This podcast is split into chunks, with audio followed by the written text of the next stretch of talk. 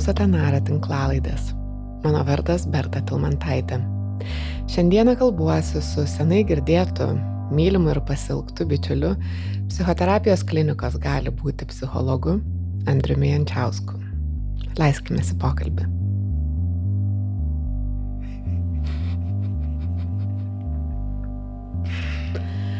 Labas.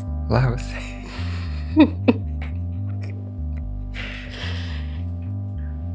Kaip gyvuoji? Nesam nei kartą pradėję, ne, bet su tiek juoko įdomu. Apie ką tas juokas? Apie ką? Apie ką mano ar tavo? Nu, tu toks, atrodai prisirpęs. Mes taip senai bekalbėjom, kad atrodo, kad ir nejauku, ir to, tuo pačiu tiek daug visko prisikaupę, kad net e, neaišku, kas čia bus. Mano tai juokas, nes atrodo, kad tokio paradokso įmame, tokios Mhm. neįmanomybės. Banaliausios temos pasaulyje. Ir ar įmanoma va, kažką tai apie ją šiandien kartu sugalvoti naujo. Kažką išmastyti, kur dar aš ir tu, ir jo labiau kartu, va, tas trečias elementas mes nebuvo nukeliavęs. Mhm. Čia tavo pasirinkta tema. Mm. Tai... Čia kaip perdidė atsakomybės ant manęs. Ne, bet e, labai įdomu buvo ir mane gal nustebino, kad, kad buvo toks tavo pasirinkimas ir tu sakai, nu, aš dabar tai tik tai apie tai galiu kalbėti. Tai norėčiau, kad tu pasakytum apie ką ir kodėl mes šiandien kalbėsim. Uf, bet tada baigsis visas juokas. Atsiras daugiau svorio. Nes šiandieną kalbėsime apie meilę ir ta tema neišvengiamai užgimė karo kontekste. Ir man atrodo, kad e, kai tiek daug yra karo, konflikto, agresijos, nesaugumo, baimės, liūdėsio, skausmo. Viso to tam tikras antipodas ir yra meilė, apie kurią neišvengiamai tampa labai svarbu kalbėti. Ir tada norisi kiek įmanoma tą meilės virusą paskleisti, kurio sunkiausiais momentais labiausiai trūksta. Mm, kaip įdomu, kad aš taip pat pasižymėjau. Galvau, kad um, kai tu pakalbėsi apie ką aš sakysiu, kad, um, kad viso šitos uh, tamsos, kančios, sunkumo ir skausmo fone turbūt visai logiškai ir teisinga ieškoti pokalbių e, šiuo atveju, kurie veiktų kaip priešnodis. Mhm. Ką tu ir pasakėjai. Ir a, eigoje, tai nuo vasario 24 jau nemažai laiko, ar ne, praėjo. Ir eigoje atrodė, kad a, o kas yra va tie dalykai, kurie gelbsti. Mm. Ir tame tikrai buvo daug meilės ir mano asmeniniame gyvenime. Daug įvyko.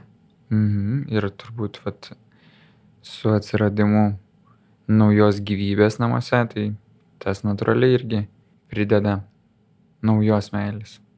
Tikra to žodžio meilė prasme, su visais rūpešiais, reikalaujančiais, daug kantrybės. Mm.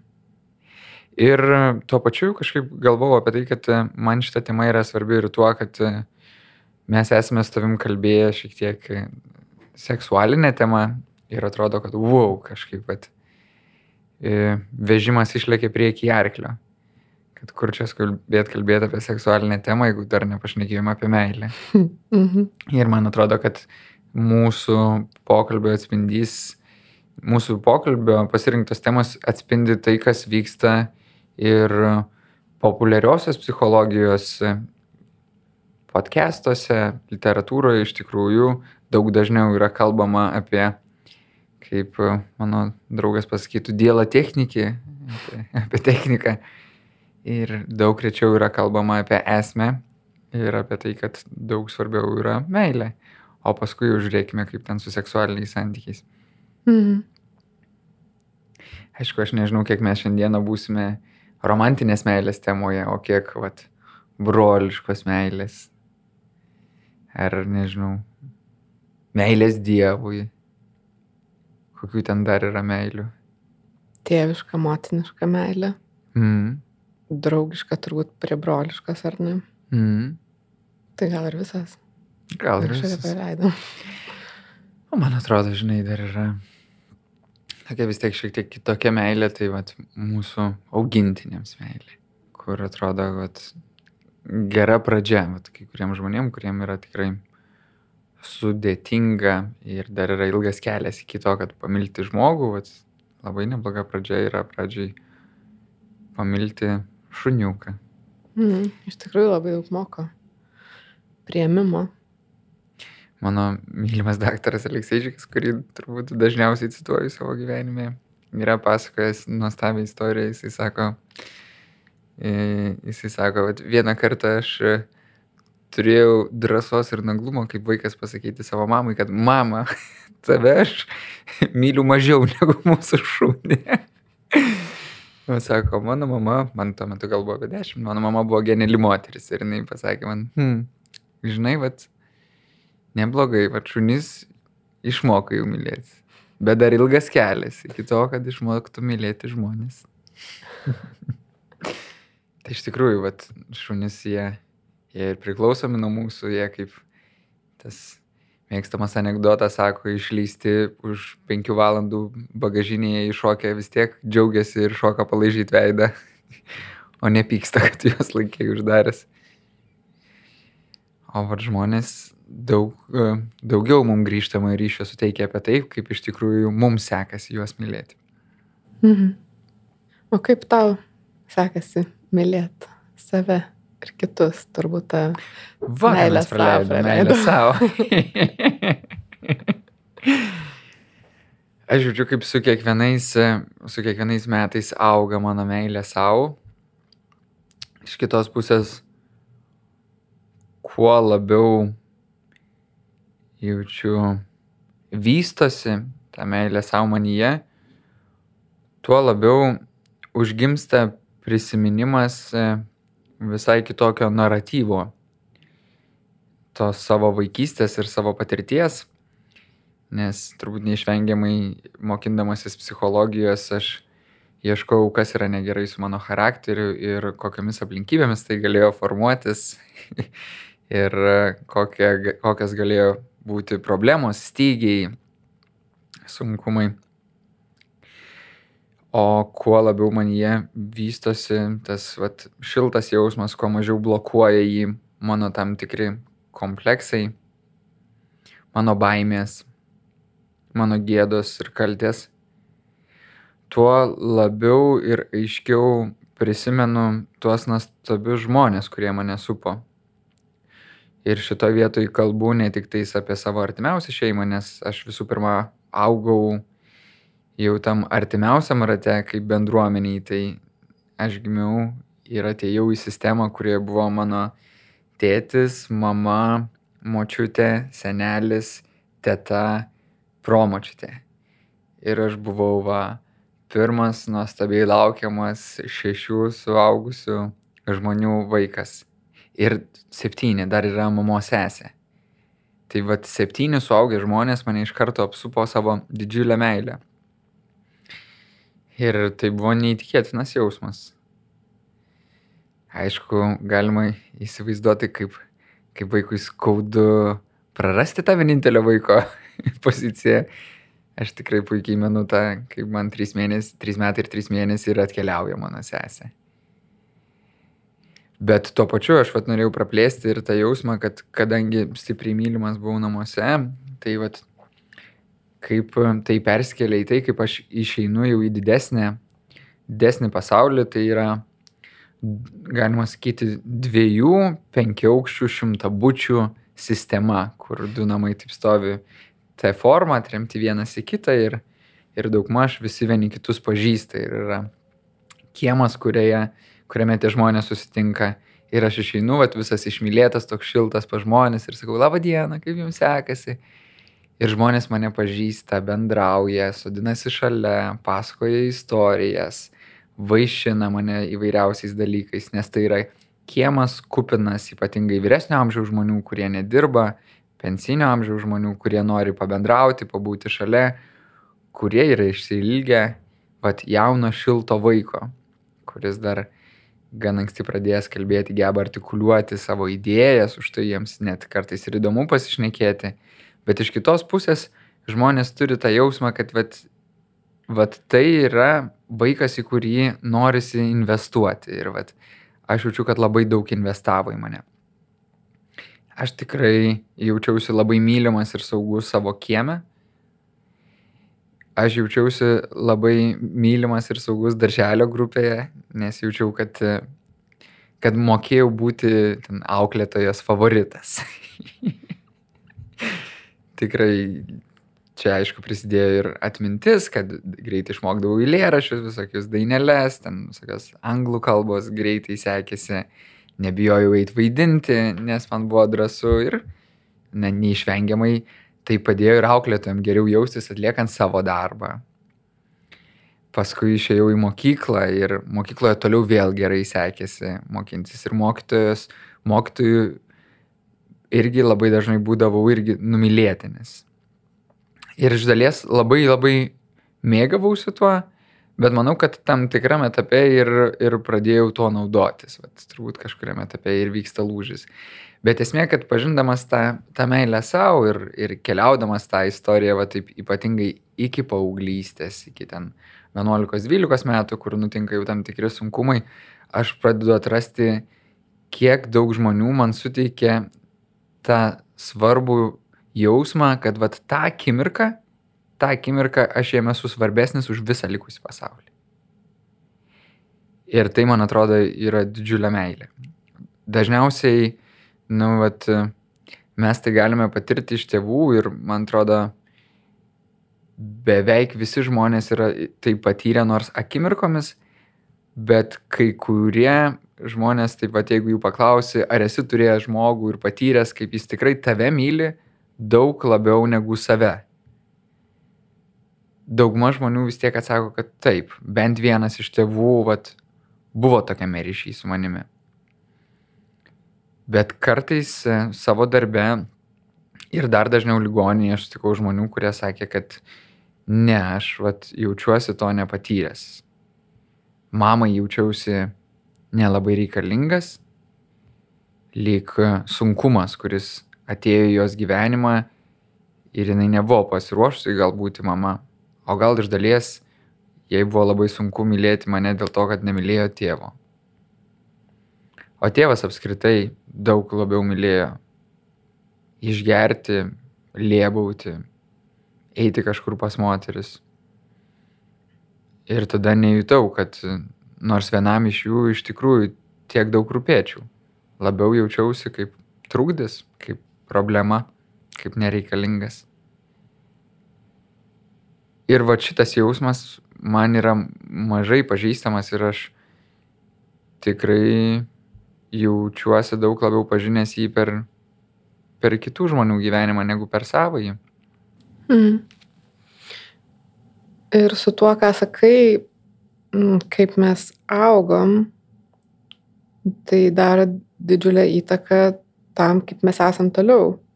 Nes turbūt mm, tam žmogui, kuris nepajuto tos meilės, apie kurią tu kalbėjai e, savo vaikystę, ne, tai jam turbūt gerokai sunkiau patikėti, kad jis gali būti mylimas mhm. tolesniai gyvenimo eigoj. Ir net kartais net sunku ne tik patikėti, bet net ir pastebėti, kad yra mylimas. Ir patikėti, kad ta meilė, vat kuria yra jisai mylimas, iš tikrųjų nėra tiesiog natūriniai naudos mainai, nes e, ypatingai kapitalistinėje visuomenėje augant ateina tas jausmas, kad gal iš viso nėra meilės, mes tiesiog mainomės, mainomės, Taip. esame vieni kitiem kažkuo tai naudingi, vat, tu man aš tau. Taip, ir tada atsiranda toks jausmas, kad, nu, o kas čia gali mane mylėti? Visada sistema, kurioje aš jaučiuosi nusipelnantis meilės už savo tam tikrus pasiekimus, už tai, kad sukuriu tam tikrus dalykus, kad meilė yra dar viena valiuta, su kuria pasaulis mane atsiskaito, tai yra nurašymas to jausmo, kuris yra gilesnis negu naudos principas ar vertės principas. Hmm. Ir daug žmonių ateina ir sako, kad aš vat, jaučiuosi, kad esu poroje, kurioje aš duodu daug, o vat, man partneris neduoda pakankamai atgal. Kalbama tokiais ekonominiais apibrėžimais, kad jaučiuosi lygavęs blogą dylą. ir iš dalies tai kelia juoką, bet turbūt tame juoke yra ir to, kad nu, vat, kažkiek abu to pažįstama, ne? Tokio natūralaus mąstymo. Įdomu, kad paklaustas apie meilę savo ir apskritai apie tai, kaip sekas mylėti, pradėjai kalbėti apie tą visų pirma patyrimą Mhm. meilės, ar ne, kad tarsi tai yra pirmas žingsnis į mylėjimą, tai prie, meilės prieimimas. Mhm. Ir kad be to tada nelabai gali žinoti, kaip ir kur eiti toliau. Mhm. Kai tu pasakėjai šitą temą, prisiminiau, mo muziejui buvo paroda, kodėl taip sunku mylėti. Ir ten mane kvietė sakyti kalbą šitą temą. O, Ir geras. aš e, net supikau iš pradžių, kaip, kaip, kod- kodėl sunku mylėti, kodėl, kaip, taip gali būti, kodėl taip formuluojamas klausimas, gi nesunkugi, tai natūralu, kas čia per nesąmonę. Galiausiai ten dėl karantino ar dėl kažko aš nepasakiau tos kalbos, bet ją galvoj kūriau e, kurį laiką ir galvoju apie tai, tai sunku ar nesunku, nu, kod- kodėl, kodėl jūs sakote, kad sunku. E, ir kuo ilgiau galvojau, kuo giliau lindau, tuo vis sunkiau darėsi. Kol galiausiai nu, pripažinau, kad jo nieko čia lengva nėra. Tarsi noris tikėti, jog tai yra toks savaime kažkoks vykstantis dalykas kaip kvepavimas, ar ne, kad e, tai neturėtų būti sunku ir sudėtinga, nes nu, turėtų būti natūralu, bet taip visgi nėra ir kad tai yra sunku. Ir sunku yra dėl to, kad pamilus ar mylint nelabai yra kelio atgal. Ir tai reiškia, kad tu turėsi susidurti ir tvarkytis su viskuo, kas atsidurs e, to mylėjimo meilės procese. Mhm. Tai reiškia, kad turėsi permastyti daug dalykų, pertvarkyti daug dalykų, išmokti turbūt daug dalykų, išskaudėti daug dalykų. Kaip tau atrodo sunku, Ar sunku mylėti? ar sunku mylėti, ar visgi lengva?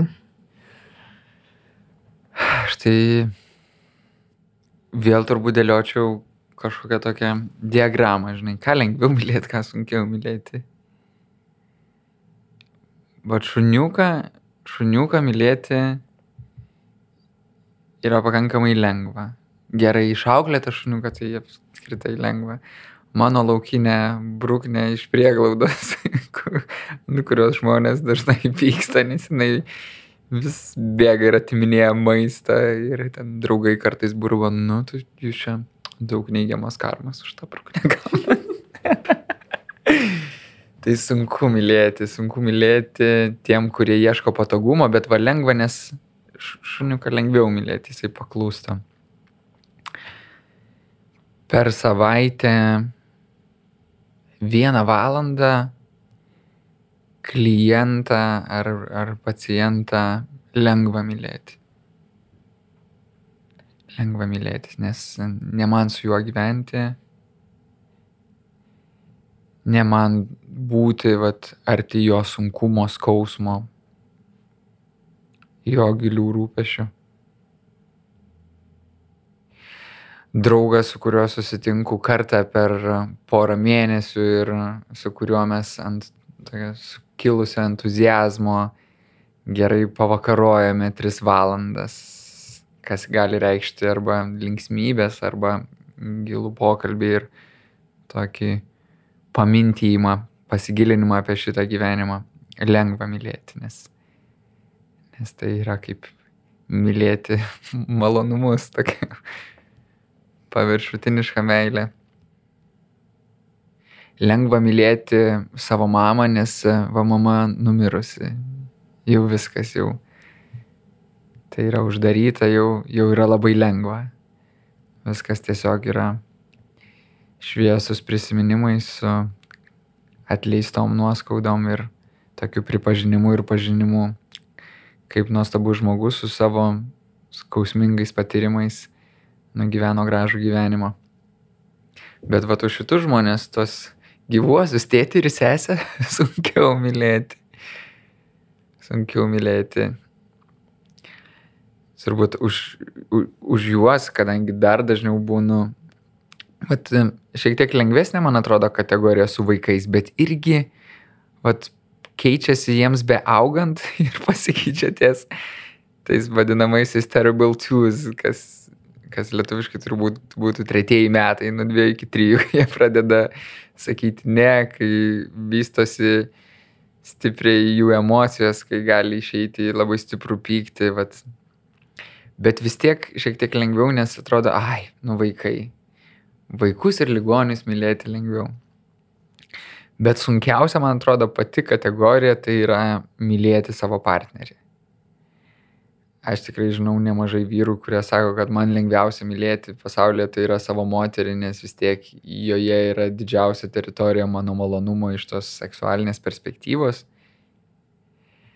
Bet man atrodo, kad man sunkiausia yra mylėti savo partnerį, nes vat, būti su partneriu tai yra būti labai stipriai vat, su tuo atspindžiu, ką aš sukūriu šitame gyvenime būti labai arti ne tik viens kito fasado, bet ir tokio giliosios patologijos, kuo esame nepatogų, sudėtingi kaip žmonės. Ir vat mylėti kitą už jo trūkumus, vat šito aš jaučiuosi nu, tikrai dar neišmokęs. Esu kažkur pakeliui, nes vat ta meilės dalis kaip pagarba iš tos pusės, kad priemu tave tokį, koks tu esi. Ir nesistengiu pakeisti į tai, ko norėčiau, kad tu būtum. Va tai yra sėkmybė, kuria keliauju, bet jinai man tikrai yra sudėtinga, nes kartais norisi pasiraitoti rankovės ir kažką ten pakonstruoti iš žmogaus, kas yra visiškai nedekvatu, bet man atrodo, kad tai yra labai dažna ir natūrali problema. Natūralus galios savo susireikšminimas bet jaučiu, kad, kad santoka padeda mokintis vis kantriau priimti savo partnerį, leisti jam gyventi jo kelią, leisti jam vystytis taip, kaip jisai nori vystytis, kiek įmanoma padėti ir kuo mažiau trukdyti. O toliau mylėti save.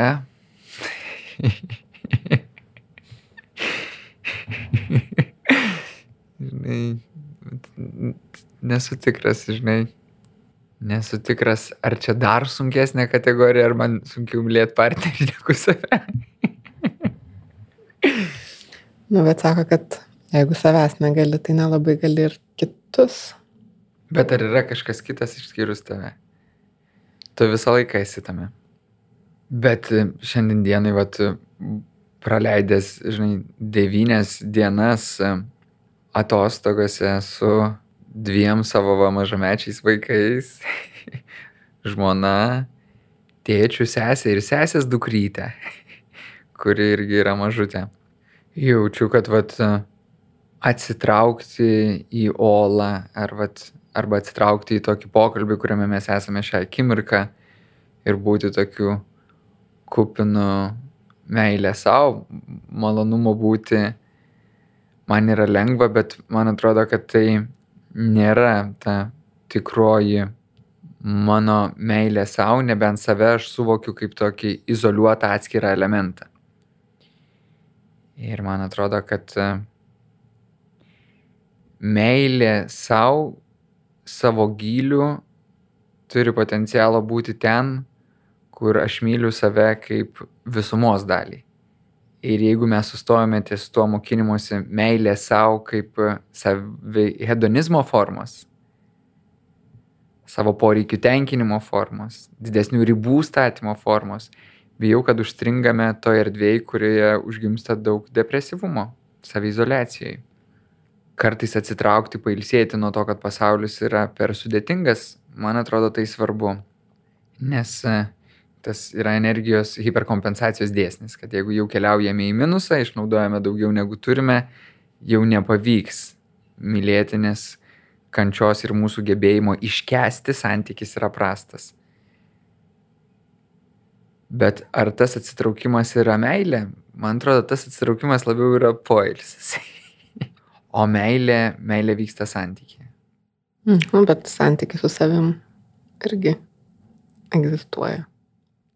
Ar tikrai?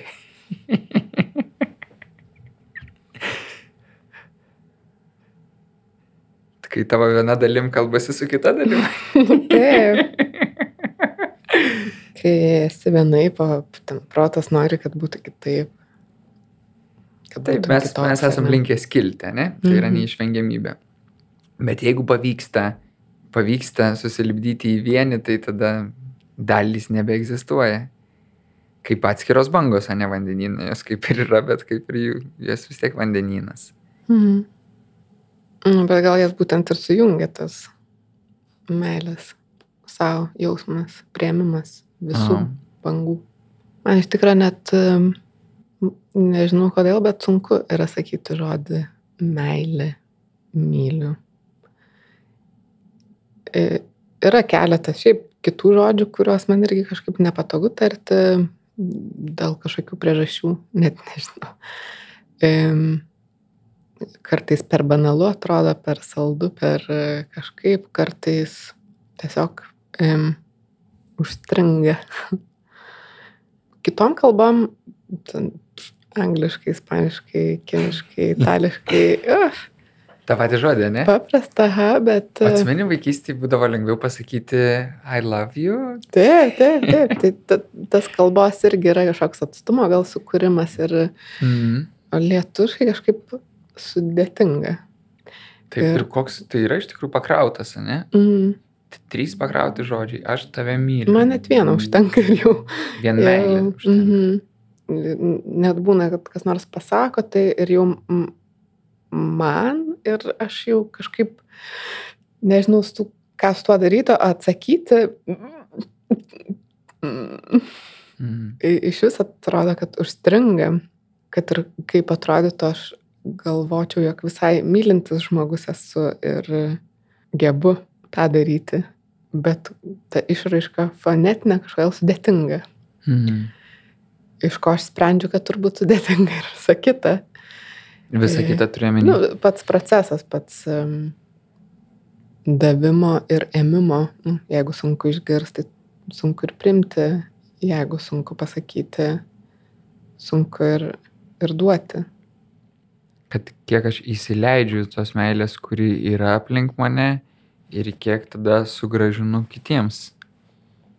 Jo, ir kiek tai darai, kiek tai gebi daryti iš tikrųjų atvirai, be kažkokių barjerų, be, be sąlygų, be reikalavimų. Na, nu, sąlygos visą laiką vis tiek egzistuoja, žinai. Mes turėjom susitikti, kad dalintumėmės tam tikrą meilę, tam tikrų jausmų. Įviniojimas irgi egzistuoja kaip tam, kad meilė taptų tikrai, jinai turi tapti kūnu, ar ne, arba prisilietimu, žvilgsniu, žodžiu dažnai ligoniniai bejėgiškume žmonės sakydavo, kad aš neturiu ką duoti. O va ką reiškia duoti meilės, ar ne? Kartais tai yra tiek nedaug, vat, pasižiūrėti žmogų ir iš tikrųjų pamatyti jo žvilgsnį, vat, leisti, kad keliom sekundėm žvilgsniai susitiktų. Kad ne tik tais jisai matytų mane, bet jisai ir pajaustų, kad aš jį matau, ne? Kad ir kad tame mano žvilgsnė pajautų, kad aš ne tik jį matau, bet aš ir matydamas jį jaučiu, ką ir jisai jaučia. Pažįstu jo buvį ir priemu. Mm. Bet man atrodo, vat, labai svarbi dalis, kad meilė yra pakentėti kartu su kitu. Nes aš galvoju apie tai, o koks yra tas antižodis. Meilė ir nemailė, kas yra tas kitas žodis. Nu, neapykanta turbūt tas toks būtų. Aha. Arba kančia. Nu, bet kančia įvairia pusiškesnė galbūt gali būti. Aš labiausiai sutinku, kad meilė ir neapykanta, man atrodo, skirtingose kraštuose. Bet, bet kaip suprantam tą žodį neapykanta, tai man būtent tas nekentėti kartu, kad aš vat tada mm. renkuosi nekentėti su tavimi tavo kančios. Ir man čia labai... Nebeprimti į bendrą to, kad vat, mes abu esame bendrume. Ir jeigu tau skauda, man irgi skauda. Ir man prieš akis iškyla vat, tokio nuostabaus žmogaus, kuris Kaune yra įkūręs šunelių prieglaudą, Lesės vadovė. Tokia moteris, kuri priema būtent tą prieglaudą gyvūnėlius, kuriuos jau kiti žmonės palieka, atsikrato, kaip ir toks net kaip hospisas galėtume šuniukų, nes jie dažnai būna vyresni arba stipriai apleisti ir jinai, ir jinai neleidžia tų šuniukų užmigdyti, jinai leidžia jiems gyventi, kol jie numiršta savo mirtim, kas man atrodo, kad tai yra tam tikro šventumo elementas. Ir jinai yra pasakojus, kaip būna, vat, sako, kad vat, jeigu šunį tu visą gyvenimą muši, nu jau niekaip, nu, niekaip tu su juo nesusitiksi. Jis niekaip tavęs neprisileis. O vat jinai pasakoja apie stebuklus, kad, kad atkeliauja tokie absoliučiai traumuoti, sužaloti, labai labai stipriai kankinti žvėriukai, kurie yra pasiruošę, kaip, žinai, savo laukinio grėsį bet ką pult ir straiškit.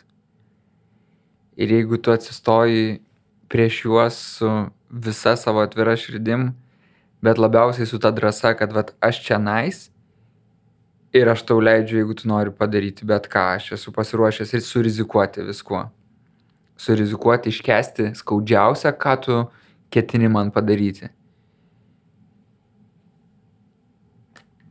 Ir jeigu gyvūnas tai jaučia, jam nebereikia kito įrodymo.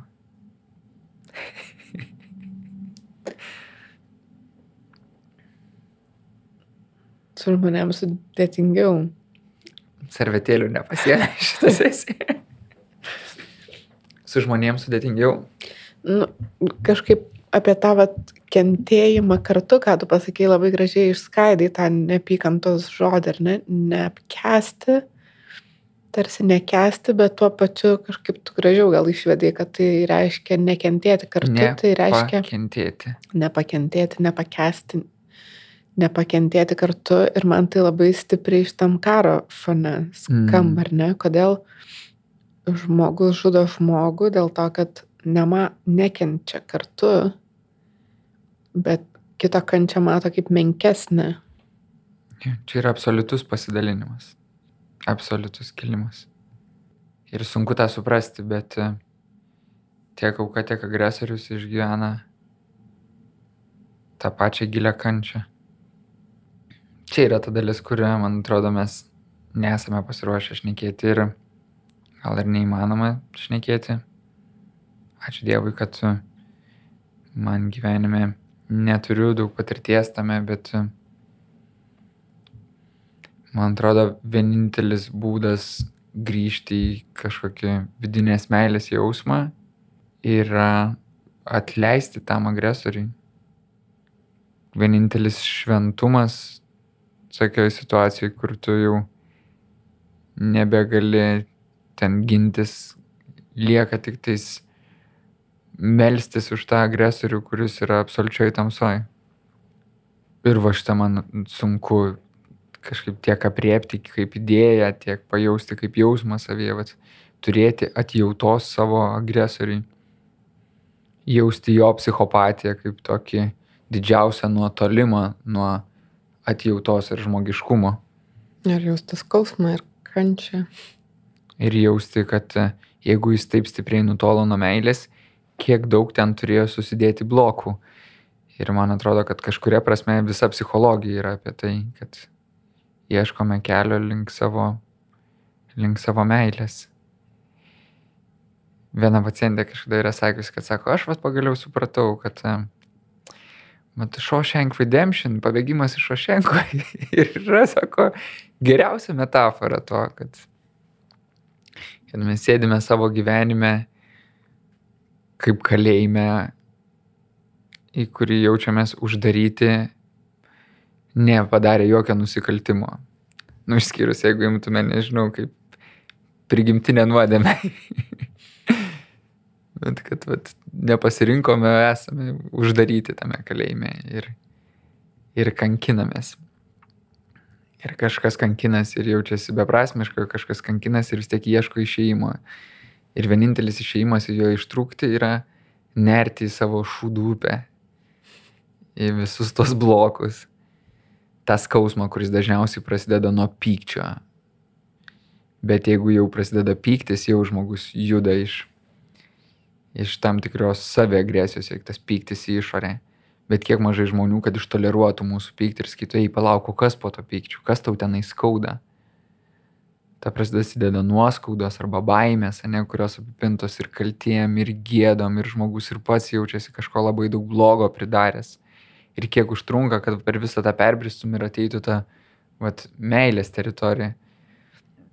Labai dabar atsiminiau pavyzdį apie tą pykčio ir iškentėjimą. Aš buvo tokia situacija nesenai, kad mes kalbėjom su draugiam, čia te bendram. Ir aš tiesiog man buvo labai sunku ir negerai ir aš buvau pikta, ne ant jų, bet tiesiog aš buvau pikta ir išreiškiau tą pyktį. Ir jos iškart į man atgal atmetė, kad, oi, jaučiu pyktį, oi. Um, ir aš tada dar labiau supikau. Mm. Ir man atrodė, kad mm, aš tikrai žinau, kad jos mane myli labai, bet tik tol, vadinasi, kol aš nesu pikta. Mm. Bet kai jau aš supykstu, tarsi, hmm, na, jau sunku mylėti, tada aš jau turiu atskirai vieną kažkaip su tuos tvarkyti ir grįžti į tą. Taip, ir ta mergaitės nepyksta. Taip.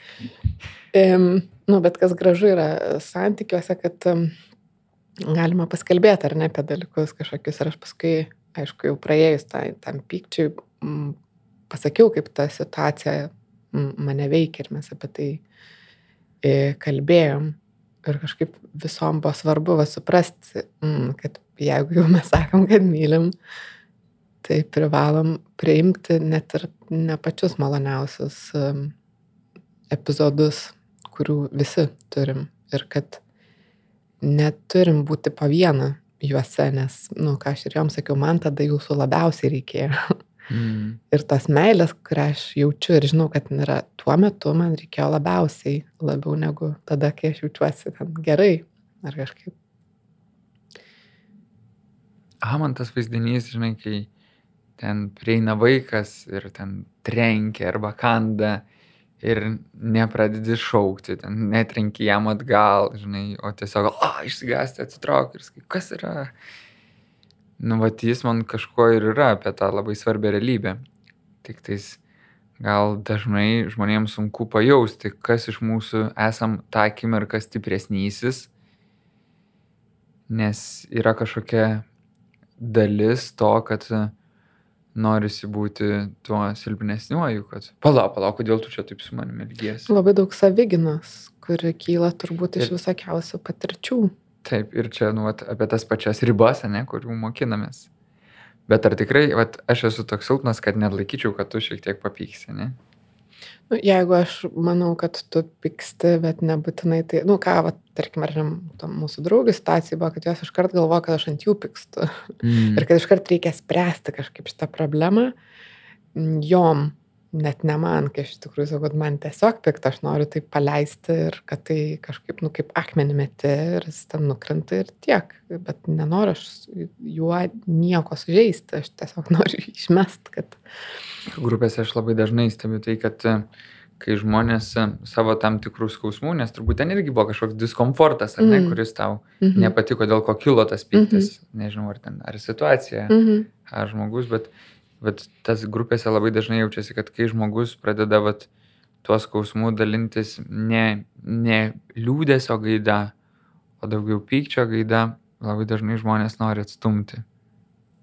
Nes tikrai sunku priimti pykstantį žmogų ir turbūt dažniausiai dalis, kuri apsunkina, tai yra ta būtent vidinės kalties jausmas, kad išsik pasijuntų kaltas, lyg kažkas ne taip, lyg aš kažką tai ne taip padarau. Mhm. Ir kaip susitvarkyti su tom savo kaltėm, nors kalties mygtukas vienas iš dažniausių mygtukų, per kurius mūsų auklėje. Mhm. Bet tarkės Fromas, ar ne, irgi kažkaip rašė ir žymėjo tą kalties jausmą kaip meilės trūkumo išraiška, jeigu gerai pamenu. Bet kad labai, kad tai tas kalties ir meilės jausmai susiję. Mhm. Meilės Man atrodo, kad, žinai, kad e, meilės jausmas yra susijęs su visais jausmais, kurie yra linkę jį blokuoti. Kad visi jausmai darnoje natūraliai egzistuoja, kad svarbu turėti tiek kalties, tiek kažkiek gėdos, tiek liūdėsio, tiek pykčio, tiek pasišlikštėjimo, nuostabos. Visi tie jausmai yra svarbus, tiek baimės.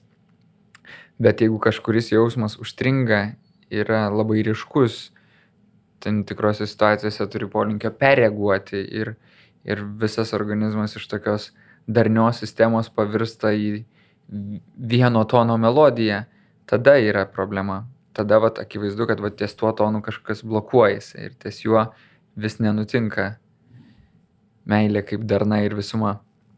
Mhm.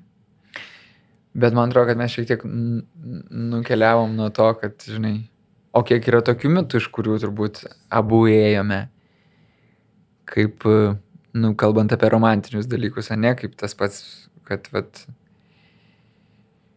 meilė tai kaip ir seksualinė trauka, ne? Ir e, jeigu seksualinė trauka nurimo, tai gal ir meilės nėra. Jeigu seksualinę trauką jaučiu ten skirtingiam žmonėm, tai o ką man apsiribotais vienu žmogum? Kad gal iš vis tos meilės nėra, gal yra tik seksualinė trauka ir va jinai stipriai sukyla, ane, su tam tikrai žmonėmis, tam, kad va susuktų mums smegenis, kad atliktume savo evoliucinę funkciją. Pasimylėtume ir pagamintume vaikų. Apskritai įsimylėj, įsimylėjimas ir mylėjimas. Labai skirtingi dalykai. Mm. Ką irgi turbūt e, esam sumaišę. Nu, Visi ne trys, man atrodo, dalis yra visos svarbios ir man irgi nuostabu galvoti, kad vienu metu gali būti visiems trim skirtingiam žmonėm, žinai. Vienam galiu jausti tokią stiprią seksualinę trauką, su antru žmogum, jeigu nebuvau apdairus ir nepasisaugojau, užauginau jau įsimylėjimą, o su trečiu žmogumi gyvenu ilgalaikę meilę santykių ir tada, uh, kaip čia susitvarkyti toje maišalinėje, kur trys galingi užtaisai tempia į skirtingas puses. Tai kaip susitvarkyti? Man atrodo, kad e, šitai vietai mes ir renkamės e, savo prioritetus gyvenime.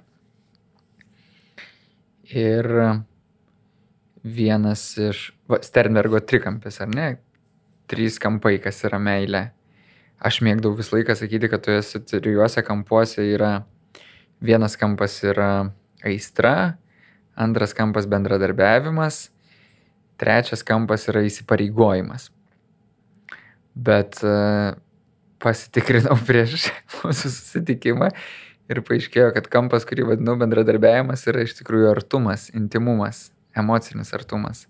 Tai pagal Stenbergą būtų tada aistra ir būtent ta fizinė trauka, tada intimumas, emocinis artumas ir tada trečiasis įsipareigojimas. Bet nu, ne, šitam kontekste įmuosi to trikampio, nes tai nekeičia esmės, kad meilėje labai svarbi dalis yra įsipareigojimas.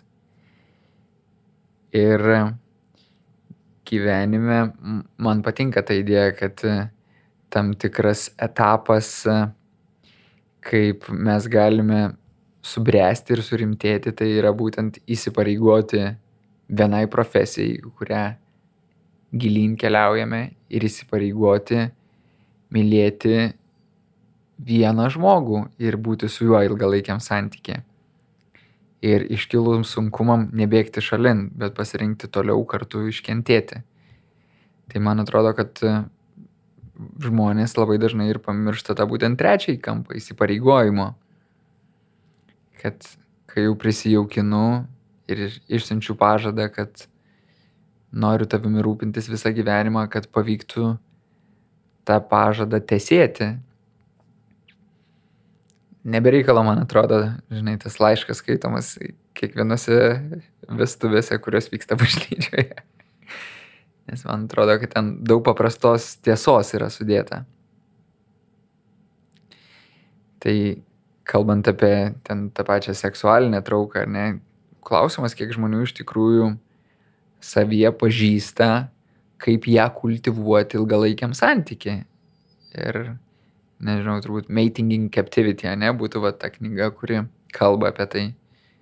Ir kuri gražina atsakomybę, kad sako, kad palauk, tai gal tu ir esi atsakingas už tą savo seksualinės teritorijos pažinimą ir tuo pačiu tyrinėjimą su savo partneriu, o ne ieškojimą, kad iš kažkur iš šono ateitų stimulacija ir vat įjungtų tau tai. Kalbant apie emocinį artumą, tai ar vėlgi, ar ne tu esi atsakingas už tai, kad kaip kurti tą ryšį su savo partneriu, kaip pačiam sukilus blokams neįeiti į užsidarimą ir į revenge, keršto ratą tokį, kad, ai, tu mane ir aš tam ne. Hmm, ai, tu negražiai su manimi elgėsi, aš ir su tam negražiai elgiuosi. Akis už akį. Dabar žinai, kaip aš jaučiuosi. Taip. Ir tada, nu, va, tas įsipareigojimas jis tampa tuščias mes gyvenam santykių, kuriame realiai neįdedam pastangos nei vienam iš tų likusių kampų. Tai įsipareigojimas jisai tikras tada, kai aš tikrųjų ir lieku įsipareigojęs ir toliau stengiuosi kurti tiek emocinį artumą, tiek seksualinį artumą, jeigu mes kalbame apie romantinį santykį. Bet aišku, yra galimybė bėgti pagal tą mitą, ne? Į meilį žiūrėti kaip į hedonizmo formą, likti toj pačioj vartojančiai kultūrai ir sakyti, kad wow, žinai, nu, tu man jau nebesuteiki to jausmo. Mhm. Bet ar tada aš esu meiliai su tavimi? Nu, ne, man atrodo. Va tada aš esu meiliai su savimi. Ir va čia ta juodoji meilės savo pusė. Mhm. Kad, žinai, nu, aš jau nebemyliu to jausmo, kurį tu man suteiki, tai nebemyliu savęs šalia tavęs. Nu, aš jau einu toliau paieškosiu, kur aš labiau save mylėčiau šalia tavęs, kur man nauji išsiskirs įsimylėjimo hormonai smegenyse, vėl galėsiu jaustis kaip ant kokaino, nes panašios rytis aktyvuojasi. Ir vėl truputėlį ant to hypo pavažiuosiu keletą mėnesių. Ir taip šokinėt. Mm.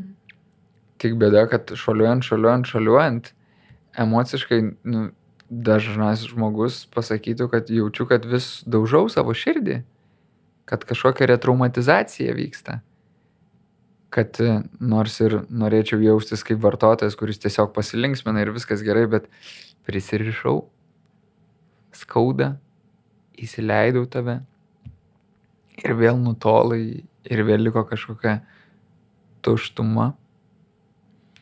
Ir vėl nepavyko evoliucionuoti tai, kad vat, išmokčiau išbūti, pakentėti, pereičiau vienu lygiu toliau. Mm, nes tas įdomus procesas, kur jeigu bėgdamas vis nueini iki tam tikros ribos ir viskas, ir tada vėl iš naujo ir vėl iš naujo, kaip vis praeiti vis toliau ir toliau. O buvo tavo gyvenime, kad tu striktų man šitą? Mm, buvo, manau, senai, kad vis galvodavau, kad kažkur gal bus geriau. Nes aš tai galvoju, kad man nepramintuoju taku, Scott Peck knyga, kur aiškina būtent skirtumą tarp įsimylėjimo ir meilės, man jinai buvo nuostabi dovana šitoje vietoje. Mhm. Kad tik tada aš supratau, kodėl aš tam tikrų momentų bėgu lauk iš santykio ir kas su manimi vyksta. Mhm. Ir supratau, kad, uh, kiek dar daug erdvės auginti savo meilę, bet turbūt toliau, vat, jau būtų kita knyga, ką tu kalbėjai, Rikas Promas, Meilės menas. Mhm kur vat tas būtent ir palyginimas broliškos meilės su romantiška meilė, apie tai, kad, vat, žiūrėk, broliško meilė, mes vis tiek iškenčiame su, vat, tuo ir labai džiaugiuosi, kad gyvenime turėjau sesę, kuri man buvo nepatogus žmogus, nes aš jaučiau, kad man viskuo su jie tenka dalintis ir, ir visai kaip pralošiu šitam gyvenime ją turėdamas, bet Tai aišku yra absoliuti neteisybė, nes būtent su ja ir išmokau mylėti savo sesę, kas buvo labai sunki mokykla vaikui, nes kaip vaikui man ir norisi būti tam egoistui, kuris yra mylimas, kuris yra tiesiog gaunantis, o ne pats mylintis. Ir manau, kad būtent ant tos va, sesiškos, broliškos meilės stovi didelė dalis mano darbo su mano klientais. Tai vad Mm. meilės mene ir yra va, būtent ta kalba apie tai, kad vat, kaip sugebam tam ilgalaikiam mylinčiam santykiu savo draugais išbūti, ypatingai su tais, su kuriais pūda drusko suvalgom, susipykstam, išsitaškom, išsisintinėjom, vėl susitinkam, vis tiek bandome eiti toliau. Tai vat, vat tas palyginimas būtent tos, ar esi nors vieną ilgalaikę draugystę tikrai gyvenime išbuvęs, ar esi atleidęs žmogui, ar esi įskaudinęs stipriai ir atsiprašęs, atgailavęs, ar iš tikrųjų esi, ar esi pats savo atleidęs tą kaltę, ar esi galiausiai radęs jėgų vėl atsiverti tam pačiam žmogui ir toliau statyti tą pačią draugystę. Ir jeigu prie viso to dar pridėsi seksualinį santykį, žiūrėk, vat, čia yra ta pati romantinė meilė. Ir vat, šita mintis man iš Eriko Fromo buvo toks kitas. Puf, palauk, tai kaip ilgalaikėse draugystėse, tai čia taip pat ir toje. Žinau, kad skamba banaliai, bet man tas buvo labai svarbu. Mm. Ir šiaip ką jisai sako, ar ne, kad tai yra menas, o menas pats savaime nevyksta. Kad tai yra procesas, į kurį turi dėti daug pastangų. Mhm. Ir kad turi, Ir norint pagilėti tame mene, ane, ir reikia, vat, nukreipties tos, vat, mm. koncentruotis į kažką. Tai vat, aš koncentruojuosi išmokti pamilti. ne, pamilti nėra tikslus žodis. Mylėti savo žmoną ir tai yra man viena sunkiausių užduočių šitame gyvenime. Mhm. Ir tikrai disciplinuotai tai darau, augindama savo kantrybę. Ir man atrodo, kad lengviau ją priimti man tapo tada, kai, kai vaikai praplėtė kantrybės teritoriją. Ir kai su, kažkaip vat, fiziškai patyriau, kad taigi tiksliai jie, na, vat, nei, nesielgia iš kažkokio blogo. Elgėsi iš to, kad jiem tikrai yra sunku. Klausiau Eugenijaus Laurinaičio, kai jisai kalbėjo apie meilę ir sakė, kad, em, kad tai yra kasdienis darbas ir kad tai nu, santykis, nu, ką ir tu sakai prieš tai, ir, ir kad būtent dėl to yra sunku, nes turi nuolat keisti save ir turi neturėti iliuzijų pakeisti kitą žmogų. Kad tai yra neįmanoma. Bet, ką dabar tu pasakai ir, ir aš prieš tai galvojau, kad šiaip tai ironiška, kad nenorėdamas keisti kito, keisdamasis pats. Ir jeigu abu žmonės tą daro, tai galiausiai jie vienas kitą pakeičia. Nes tai jau nebėra tie du žmonės, e, kurie susitiko. Man atrodo, jie patys save pakeičia, bet rezultate abu pasikeičia. Abu pasikeičia, tai reiškia, kad, įvyk, nu, kad pokytis vis tiek Po įvyks. trijų metų tai tikrai abu pasikeičia, nes Nu, ir ką, ką jisai sakė, kad po 25 jau tada lengviau pasidarė. po 25. Aš tai turiu tą tikėjimą, kad e, po septynių pasidaro arba stipriai sunkiau, arba stipriai lengviau. Kad labai svarbus yra pirmieji septyni metai. Kad e, pradedi su vienu žmogumi, o po septynių metų jau rimto įsipareigojimo kartu pamatai kitą žmogų. Ir man patinka, kad tas pasakymas aš tave myliu yra kaip toksai pargrįžimas į, į tai, kad, kad, žinai, mes čia gyvename, klajojame, yra ta būtis, pilkuma, rūpešiai, bet viso to kontekste aš niekur nedingiau, aš vis dar tave myliu, aš tave myliu ir vat, tai labai, labai gerai veikia. Mm. Labai stiprų žodžiai. Aš žinau, kad e, gal kartojant juos nuolatos e, ir naudojant tik tais kaip e, kognityviką, neįdedant to paties jausmo, tada jau būtų galimybė devalvuoti, nuvertinti Bet tuo pačiu tikiu, kad daugumoj porų vis dar per retai nuskamba šitie žodžiai, kurie turi galimybę išspręsti didelę dalį konfliktų. E, dar apie ką galvoju ir man atrodo irgi Fromas apie tai sakė, kad, kad mylėjimo, ta meilės tema gal ap, apsudėtingėja būtent tos prieimimo, ar ne, kad kai santykiai griūva, tu jautiesi, kad buvai nepakankamai geras, mm. nepakankamai vertas tos meilės, ar ne? Kad Čia turbūt retai galvoji, kad hmm, gal visgi aš nepakankamai mylėjau. O man atrodo, kad dvi, da, dvi dalys yra. Viena žmonių dalis labiau ruošasi, kad aš nepa, jaučiasi nepakankamai vertas buvau, o kita dalis jaučiasi labiau, kad manęs nepakankamai vertas buvo kitas mhm. žmogus. Kad kiek yra polinkio nusvertinti tiek, o manau, kad vakarų pasaulyje dar ir daugiau yra polinkio nuvertinti kitą. Mm. Ir ieškoti, kaip uh, vienas klientas buvo pasakęs, ai, žinai, aš pakankamai sėkmingas žmogus, kad nustočiau čia vazuotis su tą sudėtingą moterim, susiraščiau jaunesnę, patogesnę, kuri man valgyt padarytų, namus patvarkytų ir džiaugtųsi to nuostabę gerovę ir statusu, kurį aš atnešu. Mm. Bet čia pat pats pagalvojo ir pasakė, bet palauk, bet ar tai bus meilė?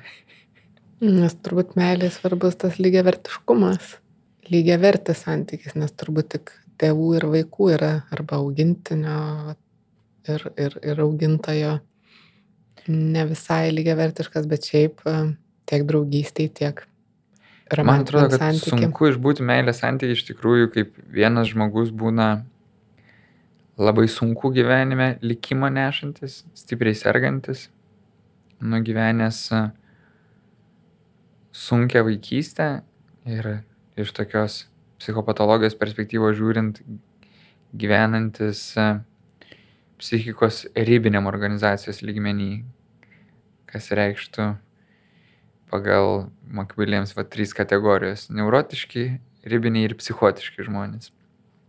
Jeigu stipriai ribiškas žmogus, kuris kars nuo karto dar apturi ir psichotinį būvį, o kitas toksai tvirtas neurotikas, vat, nėra lengva liekant šitą žmogiškoj būty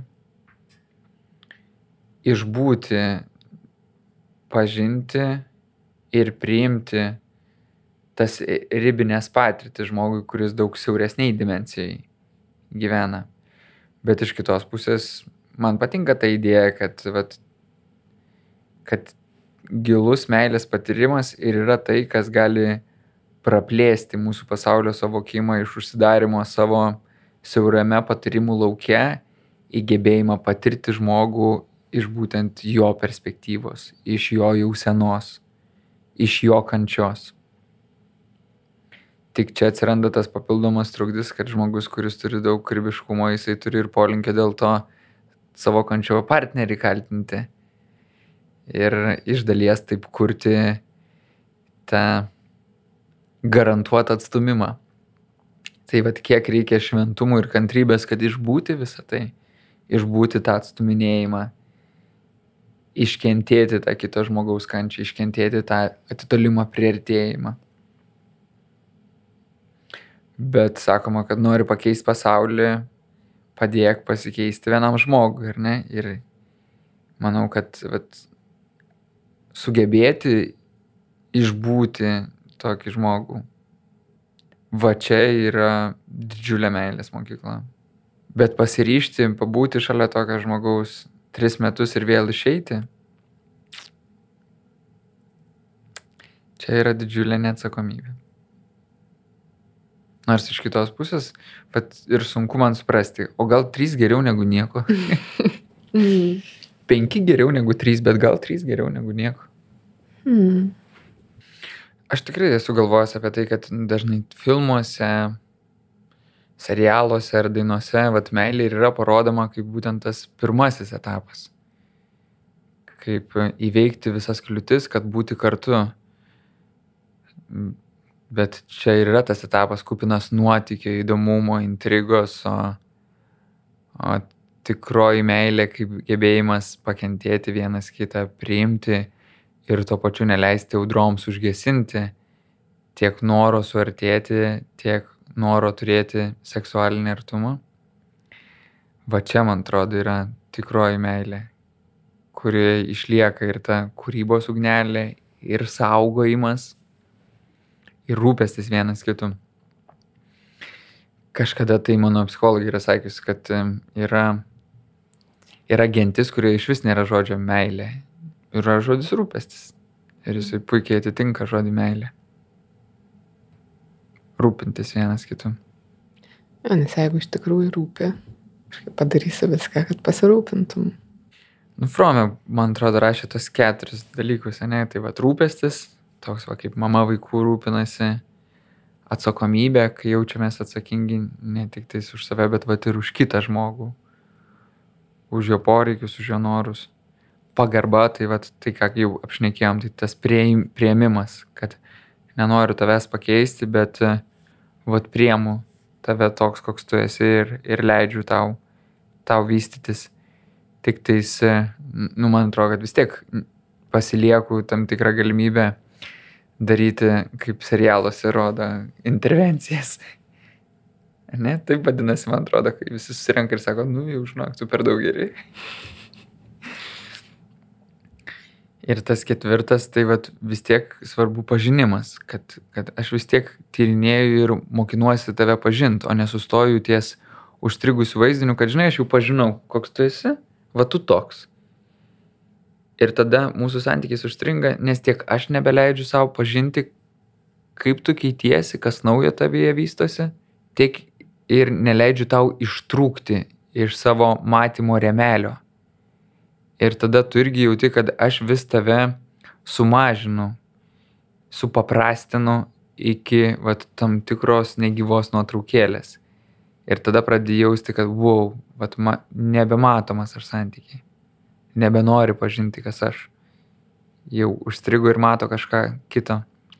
Aš atsimenu, kaip po dešimties dienų tyloj susitikome su žmona ir pasižiūrėjau į ją ir mes turėjom tokią meditaciją. Dešimt minučių tyloje, tada vat susitinkam ir penkias minutės jinai buvo užsimerkus ir aš ją žiūrėjau. Tada jinai atsimerkė, aš buvau užsimerkęs, jinai mane žiūrėjo, bet aš atsimenu tą jausmą, žiūrėjau ją ir galvau, geras, čia visai kitas žmogus negu tas, kurį aš piešiu savo vaizduotėjai. Čia visai kitas žmogus ir kaip dažnai aš pamirštu, kad yra tiek daug erdvių, kurių dar nepažinau. Mm, ir santykiuose būna, aš esu tikrai tą patyrus, kad mm, tau sako, mm, iš tavęs to nesitikėjau, kaip priekaištą mm. kažkokią ar ne, kad neturėtum šitą daryti ar sakyti, nes um, niekada to iki šiol nedarėjai. kad tarsi jo, ką tu ir sakai, ar ne, pamilsti žmogų, koks jis dabar yra, bet jis kis. Ir, ir rasis naujų dalykų. Taip. Ir ar tu pasiruošęs eiti kartu mm. tiek su draugais irgi, nes jie kinta, kinta draugai, ypač atsiradus antrom pusėm ar ne, atsiradus skirtingom aplinkybėm darbo, vaikų, dar kažko. Tai ir tuose santykiuose, bet išlaikyti vieniem kitą tiek romantinėse, tiek draugiškose, tiek ir su tėvais ar kažkuo kintant aplinkybėm, gali būti sudėtinga ir priklauso nuo to vėl, kiek esi pasiruošęs primti. O kažkaip dabar galvoju, sukasi viena tokia vyro istorija, kurią man supervizorius pasakoja, kuris paukojo savo gyvenimą, kad stipriai rūpintųsi savo vaikais, nes pajuto, kad žmonos karjera yra labai sėkminga ir jie gali iš to ateityje turėti daug gerovės ir jis labai rūpinosi vaikais, bet po truputėlį vis mažiau buvo vaikam reikalingas, bet pats taip ir neatrado, kur kurti savo gyvenimą. Ir vaikų pagarba dingo, ilgainiui kažkaip ir žmonos pagarba dingo, galiausiai jisai pradėjo vartoti alkoholį ir taip fukšt atkrito atkrito iš šeimos ir, ir iš šito gyvenimo, tai vat lieka va tas klausimas, ne, kad o kiek dar ta mūsų meilė yra ir reikalinga kitiem žmonėm ir kiek atrandam tų žmonių, kuriom, kuriems ir kokią formą jos reikia. Nes šeima nėra vienintelis kelias, kur mes dalinamės meilę, ne? kiek daug dalinimos meilės yra mūsų profesiniam gyvenime.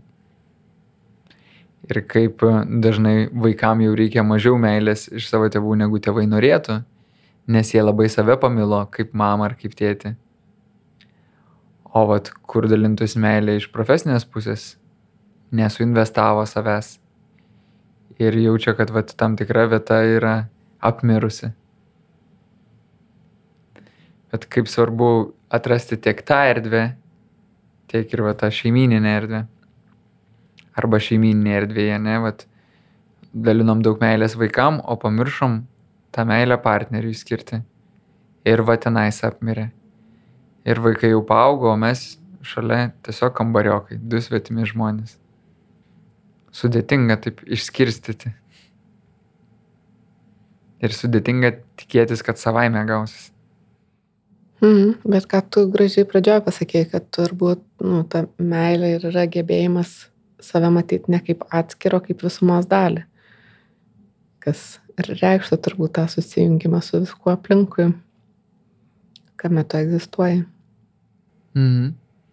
Taip, bet man atrodo, žinai, ten kokiam nušvitusiam žmogui, kuris e, neturi jokių prisirišimų, ne, tai reiškia, kad neturi nei ten savo partnerio, nei savo vaikų, jisai visi yra jo, kas atsiranda eterį, visi ir yra verti jo laiko ir jisai visų yra šiltas žmogus, nu, vat, jisai gali mylėti visus.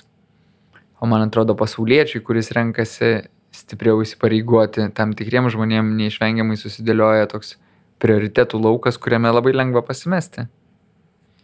Ir ypatingai, kai vat, šitame periode, kuris iš principo ir yra periodas nuo ten 30-35 iki taip va 50-55, kur atrodo tiek karjeroj labai reikia, tiek norisi ir gerovę kurti, tiek ir vaikam reikia, tiek ir partneriui reikia, iš tikrųjų nėra lengva. Ir labai daug žmonių pameta šitoje vietoje tą pakankamą pasilikimą savo, meilę kaip poilsį. Tai bet aš ir nežinau, žinai, ar ten galvodami kaip idealus šventųjų gyvenimus, kurie ten išdalina save skurstantiem, ar mes neklaidžiame tokiais svetimais keliais.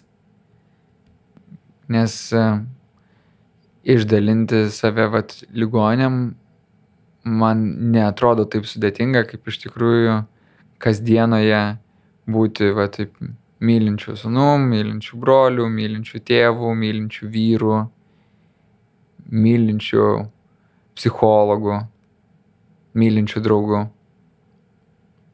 ir gera kaip, kad meilė turi tą efektą, kad daugintis, ne, va, kažkiek išsiunčiau meilę, žiūrėk, va, pargrįžo, išsiunčiau, pargrįžo, išsiunčiau, pargrįžo. Mhm. Bet tiem žmonėm, kuriuos iš tikrųjų labai mažai supa meilės, aš jaučiu, kad per savo praktiką ne su vienu tokiu žmogum ilgą kelią sukeliavęs. Yra labai sudėtinga, nes jie viduje neturi, mažai siunčia išorę ir labai mažai atgauna daug dažniau atgauna agresiją. Ir tada iš ko generuoti viduje tą meilę. Ir man atrodo, dėl to vat, labai svarbu suprasti ir pažinti, kiek iš mūsų esam nugyvenę tokį gerovės pasaulį, kuriame esame daugiau gavę, gal net negu mums reikėtų ir kuriame pats metas dalintis. Ir atrasti aplinkui, kur dalintis, nes visą laiką yra, yra kaimynas, kurį galima pakalbinti. Yra, nežinau, padavėjas, kurią galima užmėgsti emocinį ryšį. Kaip plėsti tą meilės burbulą ir neapsistoti tiesiog svetimame miesto pasaulyje, kuriame nebelieka artumo. Nes gali būti, kad kažkam pasakytas gražus žodis treniruotėje bus labai svarbus momentas. Nesenai įeidamas į didžiulę kavinę, kur pasitinka ir stovi haustas, nu, nes toks yra to žmogaus pareiga ir nusišypsa ir sako, labas vakaras, skanausi maisto ir eidamas visas, žinai, tenais, ką tik sunkiai išsiruošėme, ten konfliktas su vaikais, vienas verkia, kitas pyksta ir toks, a, ir tas haustas pasižiūri mane, nusišypsa ir sako, skaniausiam vakarienės. Ir jaučiau, kad ir čia jau galiu atsispirti. Ir čia galiu atsispirti, apsisukti, gavau šilumos ir vėl švelniau sugrįžti atgal. Mm, sunku tose situacijose, aš irgi esu nekarta ir apsukta, ir apsukus vat, kažką ar ne. E, kai žmogus ant tavęs rėkia arba agresyvus elgesys ir tai, tai į tą žmogų vis tiek gebi pažiūrėti su meile ir nusišypsoti ir, pavyzdžiui, atsiprašyti už tai, už ką net neturi atsiprašyti arba užmėgsti kažkokį santykį ir kaip viskas gali pasikeisti.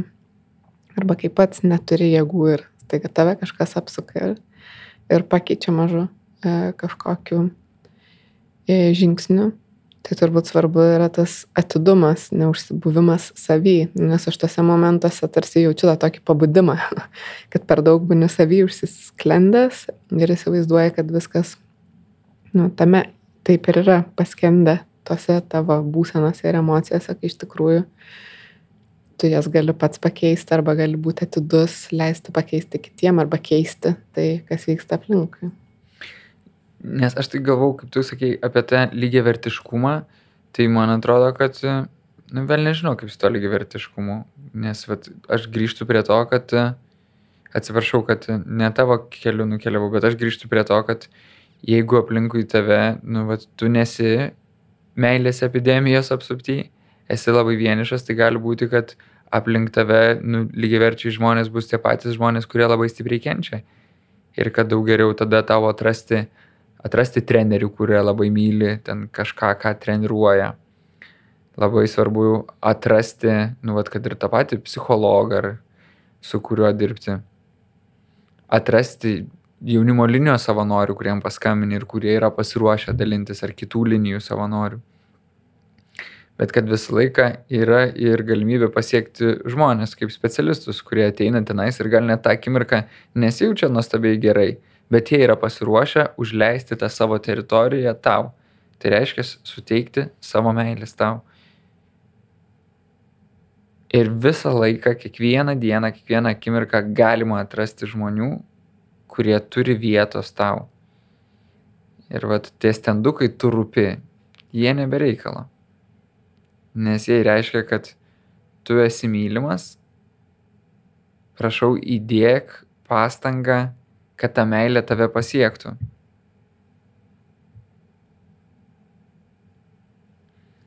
Ir kai juodžiausia akimirka jausies labai vienišas, vat, tada labiausiai reikia, kad jau būtų susiformavęs automatinis refleksas, iš kurio tu pažinotum, kaip pasiekti tą pastangą. Blogiausia atveju, kaip surinkti tą telefono numerį. Mm. tai ar pavyko šiandien kažką atrasti savyje naujo? Man labai buvo, aš gal ne apie save, man labiau visą laiką būna mm, svarbus pokalbiai, nustebimo momentas, kaip aš nekovas nustebina. Mhm. Tai šiandien man atrodo, kad labiausiai mane nustebina ta išvalga, kad priešinga meilė yra negebėjimas kentėti kartu, mm, pajaust kančios. Taip mhm. yra, sakė, ar ne? Kas mm, dažnai, man atrodo, santykiuose žmonės ir nemoka, nenori prisileisti, iškentėti ar išbūti kartu, nori tvarkytis po vieną, nori būti santykyje geri, šviesus, gražus, o mm, su tais tamsiais dalykais atskirai tvarkytis, žmonės be užkrauti vieni kitiem dalykus kai iš tikrųjų, nu, kai iš tikrųjų meilė yra išbuvimas kartu visokiose situacijose. ir buvo man tas toks esminis Mhm. momentas.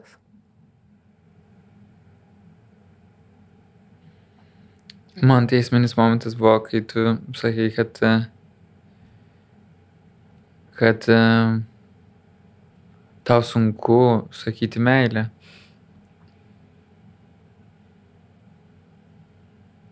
Ir aš galvojau, kad aš tai žinau, kad tu mane myli. Tai man atrodo, kad tada ir nereikia sakyti.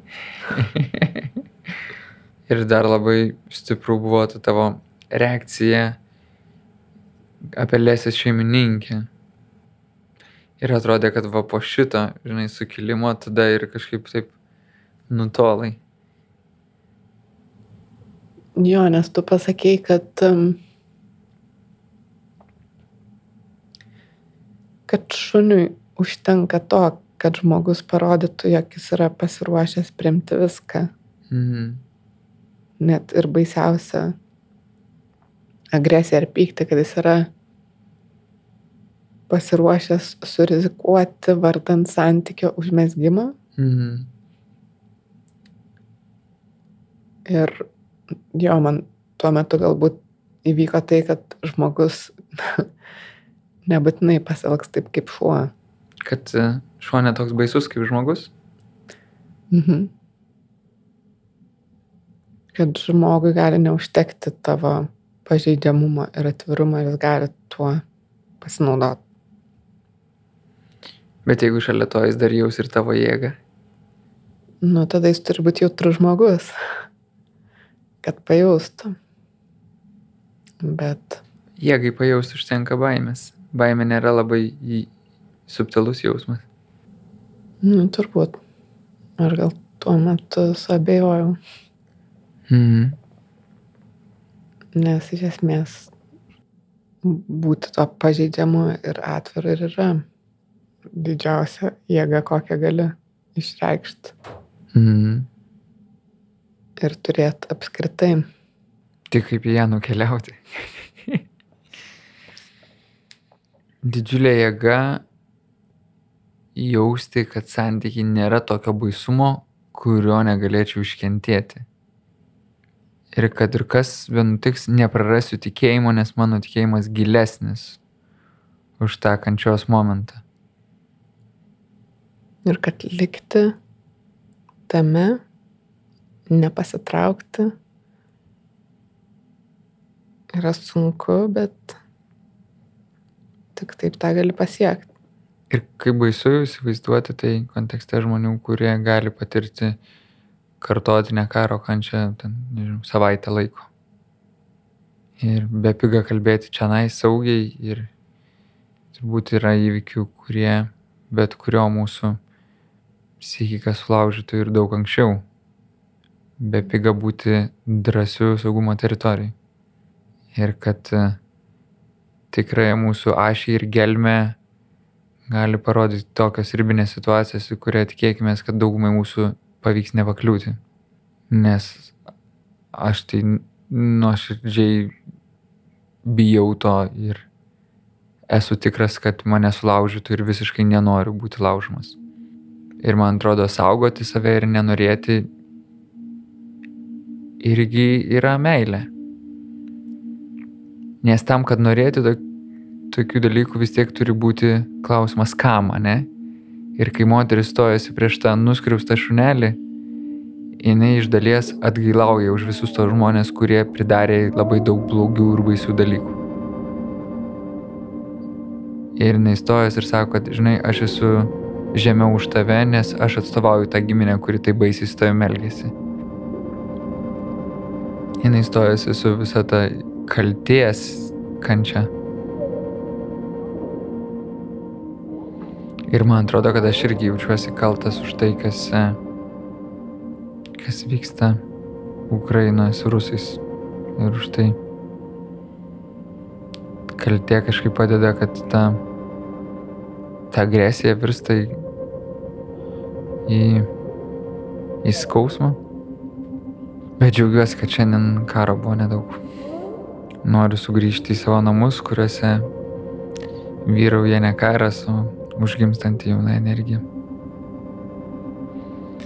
Tai ačiū tau, kad tu nebijai čia nais terapinti su manimi. Ačiū tau. Tai po metų.